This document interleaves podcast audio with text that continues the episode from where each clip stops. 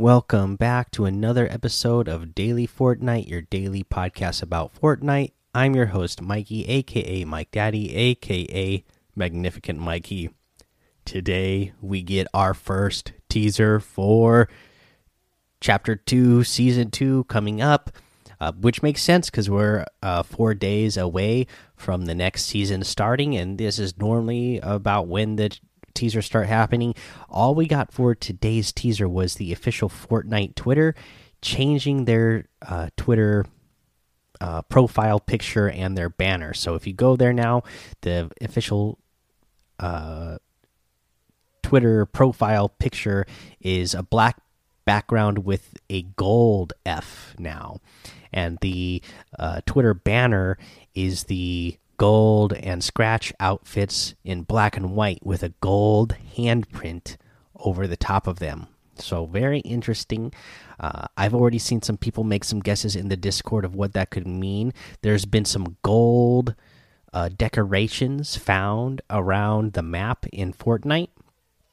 So, you know, there's people who are theorizing and guessing that gold might be a new material added in season two. That would be uh, kind of insane. But I'd love to hear what uh, some of your other takes are on what this uh, first teaser uh, is and what it could mean that we are getting in chapter two, season two, coming up in a few days here. Uh, let's see here. What else? Uh, the Twitter's gold. Oh, and then and here's another thing that I wanted to tie into maybe season two. So there's also rumors going around that the next um, competitive tournament will be trios, and today uh, trios was added to the LTM, so we don't have the bounty anymore. Trios is the LTM now, so but maybe that's a clue as well. Maybe Trios is going to be. So maybe the rumors will be true. Maybe Trios will be the announce the next announced um, uh, season tournament. We'll just have to wait and see. Uh, but I thought that was interesting. Let's see here. What else? Um, so yesterday we had the Celebration Cup, right, and the scores uh, needed to be updated for NA East. It ended up being the same thing for NA West, and uh, it looks like everything is all accounted for now. Uh, they saying all missing scores have been returned, and leaderboards for day one are now corrected for NA East and NA West. We're sorry for the inconvenience. So you know, if your change score somehow got you a a higher score, maybe you know check and see if you got any more of those free items. Uh, let's see here. Today was day two of the Celebration Cup, which was or is for some, uh, you know, a million dollar prize pool in total across all the regions.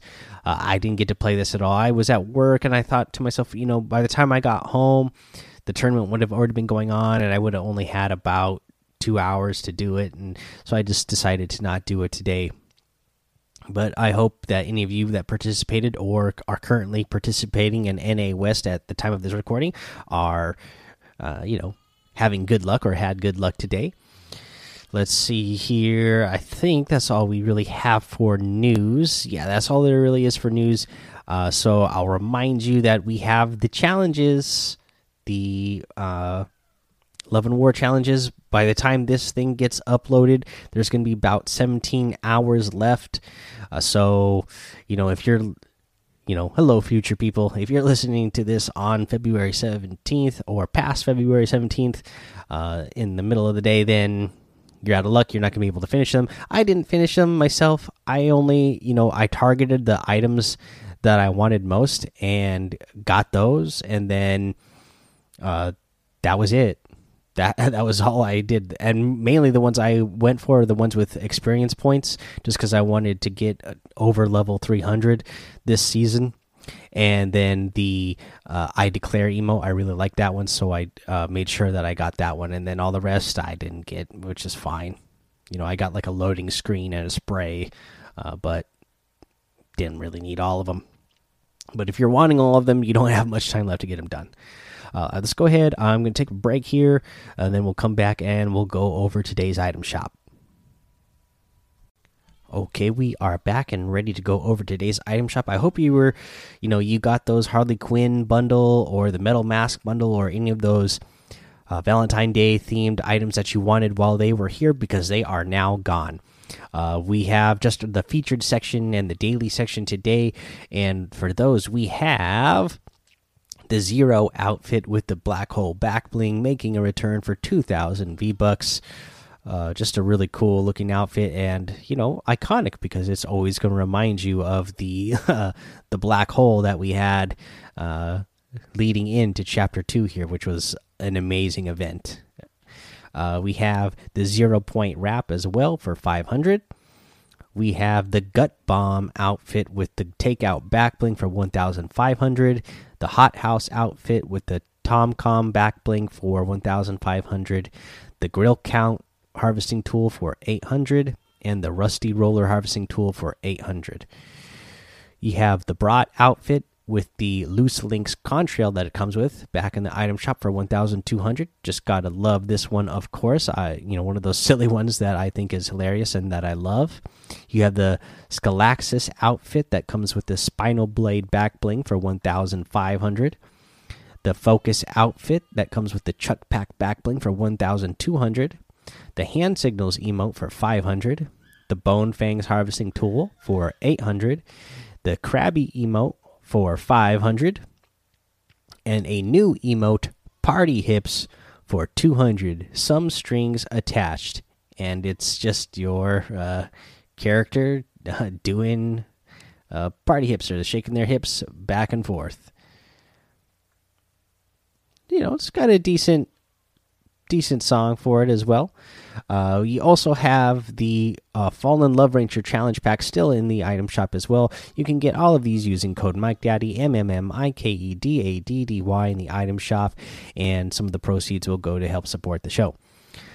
Okay, guys, uh, let's see here. No real uh, tip of the day for you.